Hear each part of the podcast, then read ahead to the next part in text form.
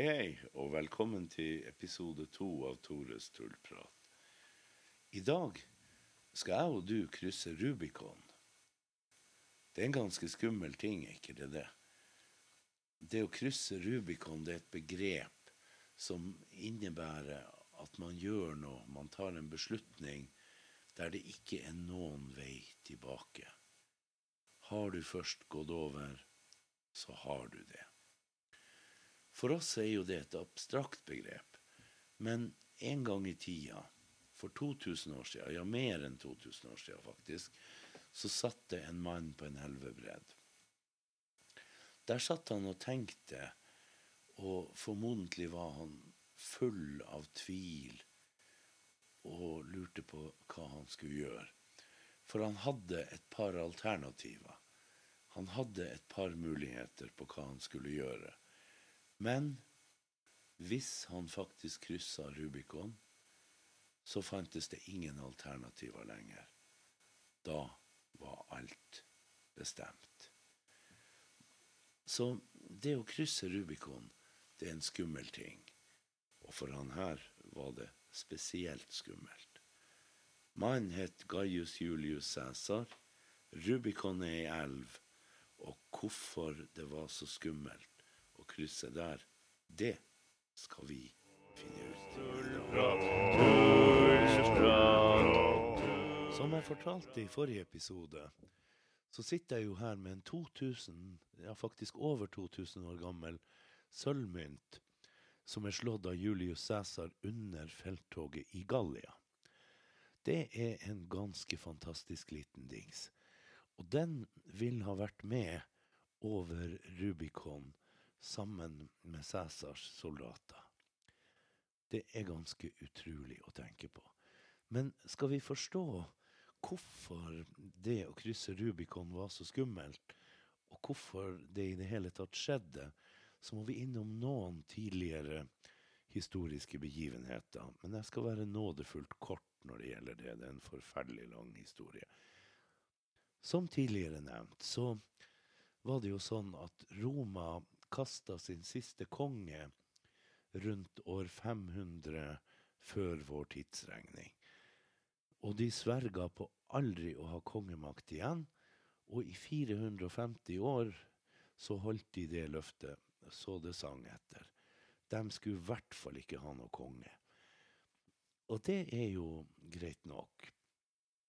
Roma ble en republikk med i hvert fall et delvis folkestyre.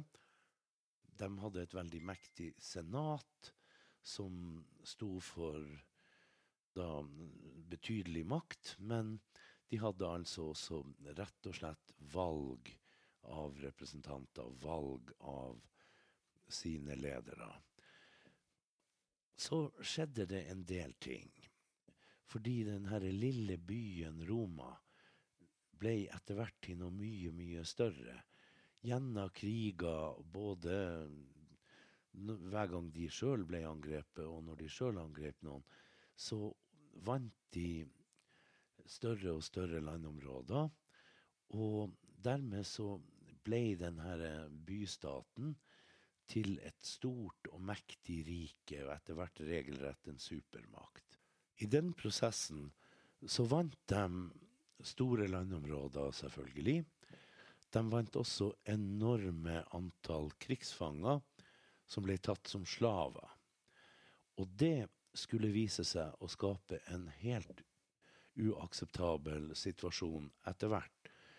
Fordi patricierne, altså det vil si de familiene som i første omgang var de som sto for revolusjonen mot kongen på 500-tallet, som dermed fikk fast plass i senatet og stor makt i evig tid, nærmest, de hadde jo da sørga for å skaffe seg landområder og slaver i store mengder, og begynte å produsere jordbruksprodukter, korn og sånne viktige ting, som så ble importert til Roma og utkonkurrerte lokale bønder.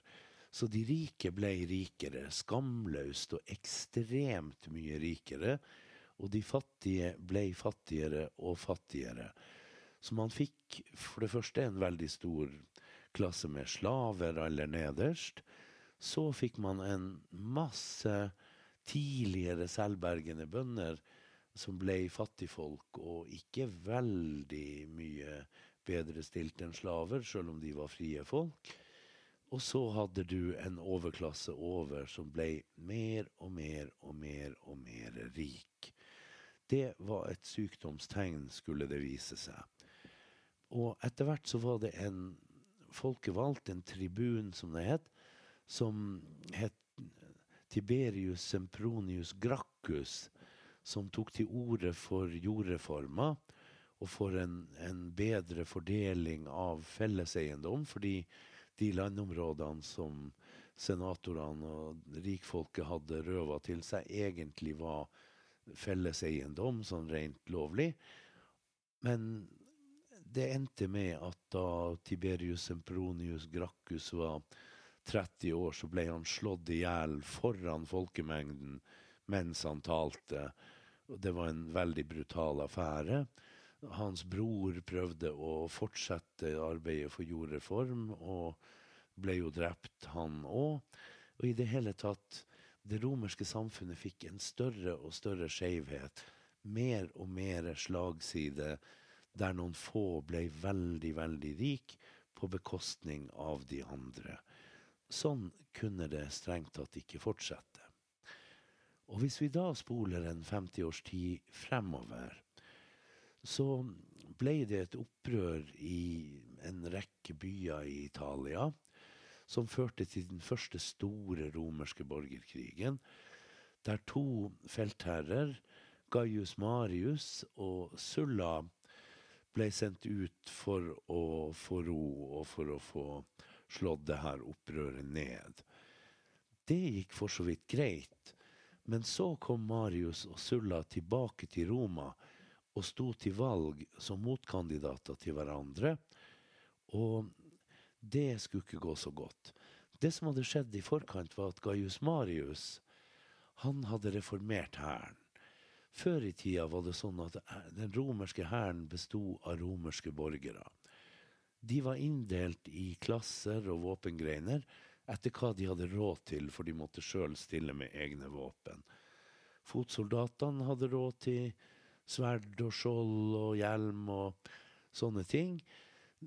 De som hadde råd til å ha hest, ekites, altså ridderklassen om man vil, de var jo da kavaleri. De hadde jo råd til noe så dyrt som å fòre en hest. Og i det hele tatt, det var, det var inndelt sånn. Og det var romerske borgere som gikk inn i hæren for å slåss for Roma. Men under Marius så ble hæren åpna for soldater som var da uten eiendom, som ikke hadde råd til å skaffe sitt eget, men som da fikk utstyr, og deres belønninger, deres utkomme etter militærtjenesten ble avhengig av feltherren de tjente under. Så fra å ha en hær som var lojal til Roma, fikk man en hær som var lojal til feltherren som de tjente under. Og det skulle vise seg å være en veldig dårlig plan. Fordi plutselig så var det de forskjellige hærførerne sin vilje som styrte, og ikke romersk lov og romersk samfunn. Det skulle vise seg å bli veldig farlig. Ikke minst da Cæsar kryssa Rubicon. Det, det, var rett og slett sånn at da, da Marius og Sulla var ferdig med sin kampanje mot de italienske byene, så dro de til Roma og sto til valg rett og slett mot hverandre for å bli konsul. Og konsul var jo det høyeste vervet i Roma, med unntak av ett, og det ene skal vi høre mer om seinere. Men i alle fall, de sto begge til valg.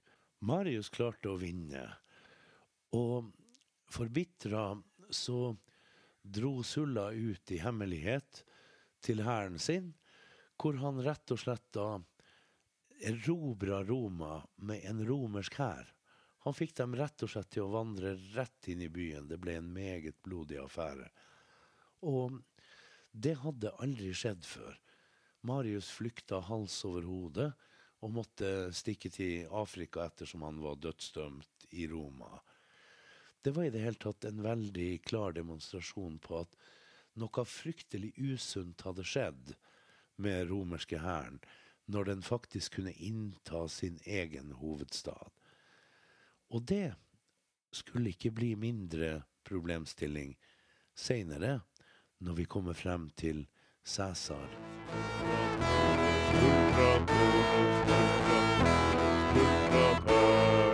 Som sagt så var det sånn at den romerske republikken etter hvert hadde begynt å knake kraftig i sammenføyingene.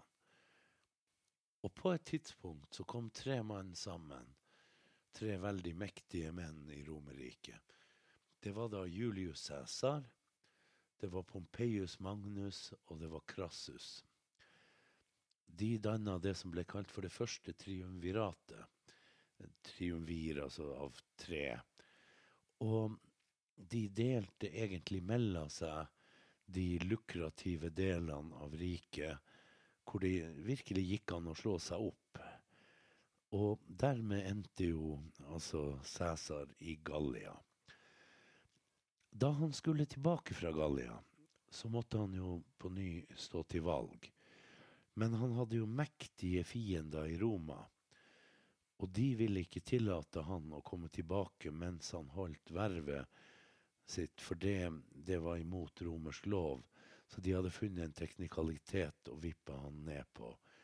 Og han visste at hvis han gikk tilbake som sivil, som han måtte gjort, han måtte legge ned sin kommando ved elva Rubicon nord i Italia og returnere til Roma som sivil. Da vil han være åpen for ja, alt mulig. Ikke bare søksmål som han da rett og slett var immun mot så lenge man holdt verv, men også for at han kunne drepes fordi han var da ikke hellig som han var i de vervene. Det torde han ikke. Derfor satt han ved elva Rubicon og veide frem og tilbake hva skulle han gjøre. For han kunne krysse Rubicon som en sivil mann og ta det som rett og slett skjebnen kasta på han, og det kunne jo være det beste.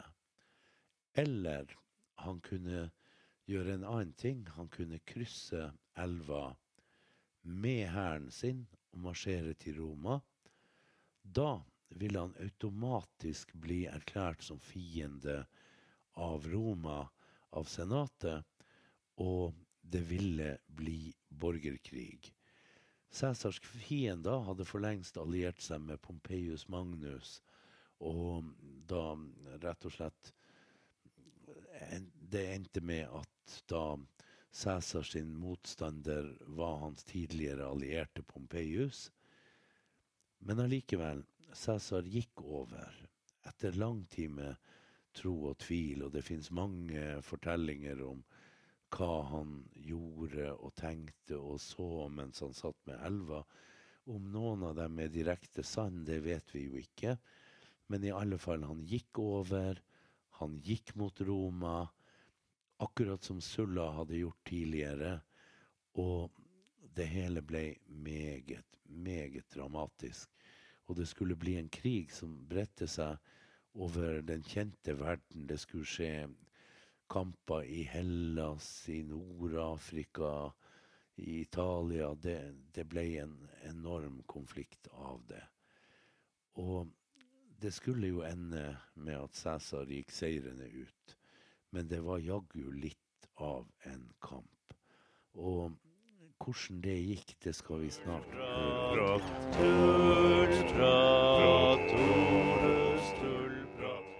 Når det gjelder selve borgerkrigen, så skal jeg ikke si så mye om den sånn alt i alt. Fordi at det er en forferdelig lang og veldig kronglete historie. Og kampene de strakte seg over store deler av den kjente verden. Det var i Spania, det var i Hellas, det var i Nord-Afrika, i Lyria Det var liksom overalt. Det var en, en voldsom konflikt.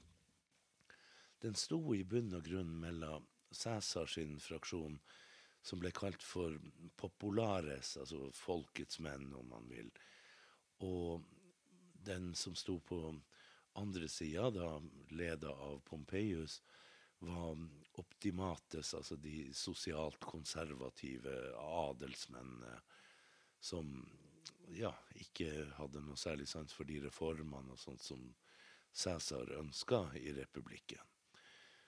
Så det var en voldsom konflikt.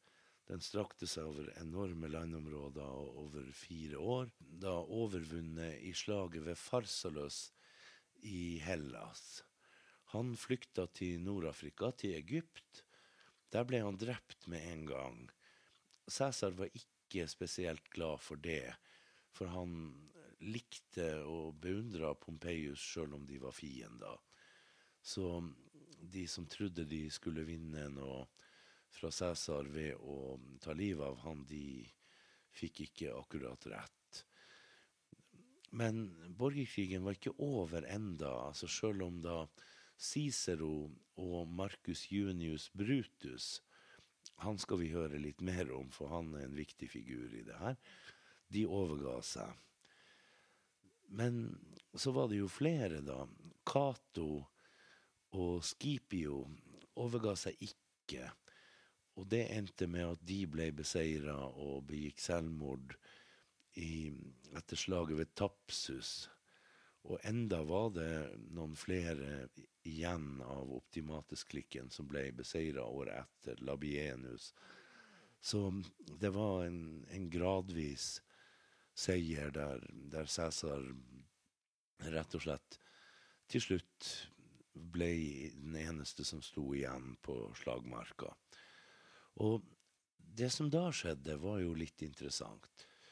Fordi Cæsar han sto til valg igjen. Han måtte jo det, altså for det som tidligere nevnt. Han var nødt til å ha et verv der han var hellig og ikke kunne røres. Og han hadde jo fortsatt mektige fiender, sjøl om han sto igjen som den mektigste av alle. Dermed så ble det til at senatet oppnevnte han til diktator diktator for ti år. Det var ganske spesielt. Men for oss så betyr ordet diktator i utgangspunktet noe veldig fælt. En diktator er en som styrer på tvers av folkets vilje og med, med makt, og som ikke er på noen måte valgt eller representativ. I Roma var det faktisk sånn at diktator var et folkevalgt verv. Man hadde to konsuler, det var de to mektigste i Roma.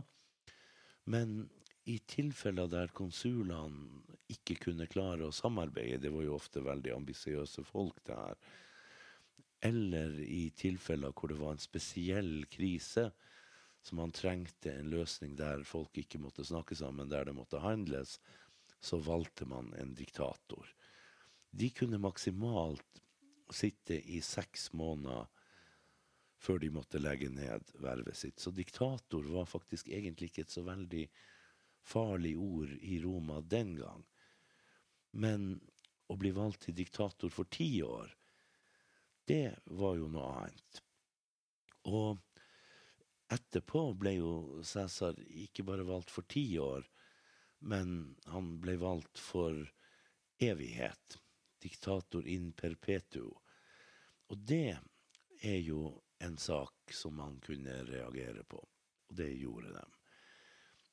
Cæsar slo seg til i Roma igjen, og der begynte han å skrive en serie med lover, med reformer, og det meste kan tyde på at han egentlig prøvde å bringe republikken tilbake til det republikken i utgangspunktet, i hans syn, skulle være.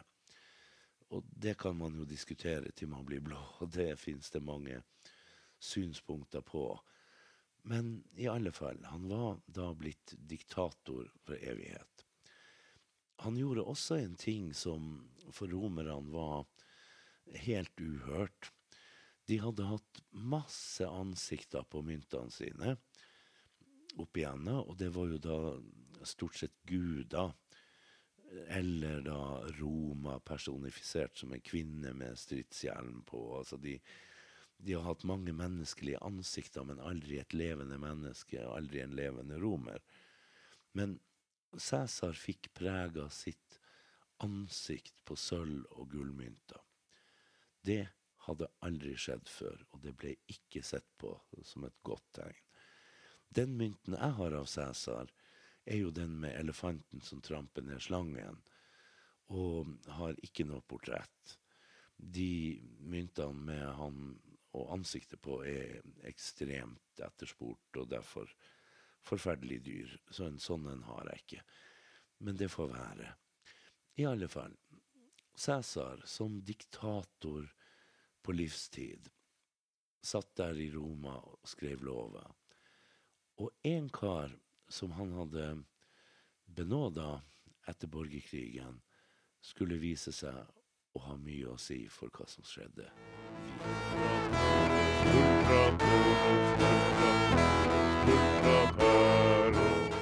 Beware the Ides of March, heter det hos Shakespeare i skuespillet Julius Cæsar. Det dreier seg om 15. mars. Året er 44 før vår tid. Og den datoen skal vise seg å være svært skjebnetung. Julius Cæsar har altså blitt diktator på livstid. Og for et Roma som frykter og hater kongemakt, så begynte det her å bli fryktelig nært akkurat det. Så en gruppe senatorer som var svært misnøyde, samla seg med en, et enkelt formål, nemlig å bli kvitt Cæsar og bli kvitt han de trodde skulle bli konge. Om Cæsar hadde tenkt å være konge, eller bare ville være trygg i vervet, så det er det ingen som vet. Sulla i sin tid rett og slett trakk seg tilbake av egen fri vilje. Kanskje ville Cæsar gjort det. Hvem vet? Det får vi aldri vite. Men i alle fall, den 15. mars i 44 så gikk Cæsar til Senatet, hvor han ble møtt av senatorer i en midlertidig bygning, vel å merke, for det hadde vært en brann i senatsbygninga. Men han ble da møtt av en gruppe senatorer, og de begynte rett og slett å stikke han med kniver. Det er jo ikke noe særlig vennlig gjort, og det hadde ikke noe godt utfall heller. Det finnes mange beretninger om hva Cæsar gjorde og sa når han ble angrepet sånn. De tidligste forteller egentlig bare at han dro togaen opp over ansiktet og ikke sa noen ting. Seinere sies det at han sa kaisu teknon, som er gresk og betyr noe sånt som også du, din guttevalp. Og så har det blitt til et tu, Brute, også du, Brutus, og til slutt også du, min sønn Brutus. Fordi Marcus Junius Brutus, som Cæsar hadde benåda, var én av drapsmennene. Det var faktisk to med etternavnet Brutus i samme slekt som var med blant de her attentatmennene og tok livet av Cæsar.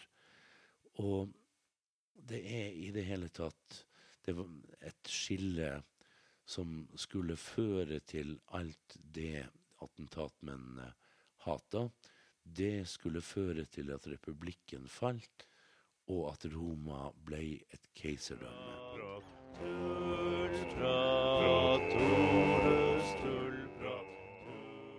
Det er mye man kan si om Cæsar. Kvinnehistorier, hans mannehistorier, ja, i det hele tatt. Og ikke minst, altså, vi har nevnt Brutus. Og Brutus var sønn av ei av Cæsars mange elskerinner. Men ei han var med ganske lenge, og de skal ha hatt et ganske nært forhold, Brutus og Cæsar. Så det her med 'også du, min sønn', har ikke vært tatt helt ut av lufta. Jeg har for øvrig også en sølvmynt slått i navnet til Brutus, men den skal vi snakke om seinere. Fordi Cæsars kvinnehistorier dreide seg også om mer. Han kom jo til Egypt og gikk inn i borgerkrigen der mellom Kleopatra og, hans, og hennes bror. Og gikk inn på hennes side, og de ble såpass gode venner at de fikk sønnen Cesarion sammen i det hele tatt historien om hva som skjedde etter at Cæsar var drept, er så spennende og så spesiell at det har vært filmer og bøker og alle mulige slags ting. Alle har jo et forhold til Kleopatra. Vi har jo alle lest Asterix. Ikke sant? Det er, det er så mye mer historie å fortelle om det her. Men det får bli i en seinere historie. En seinere episode. Prat, prat, tørrprat.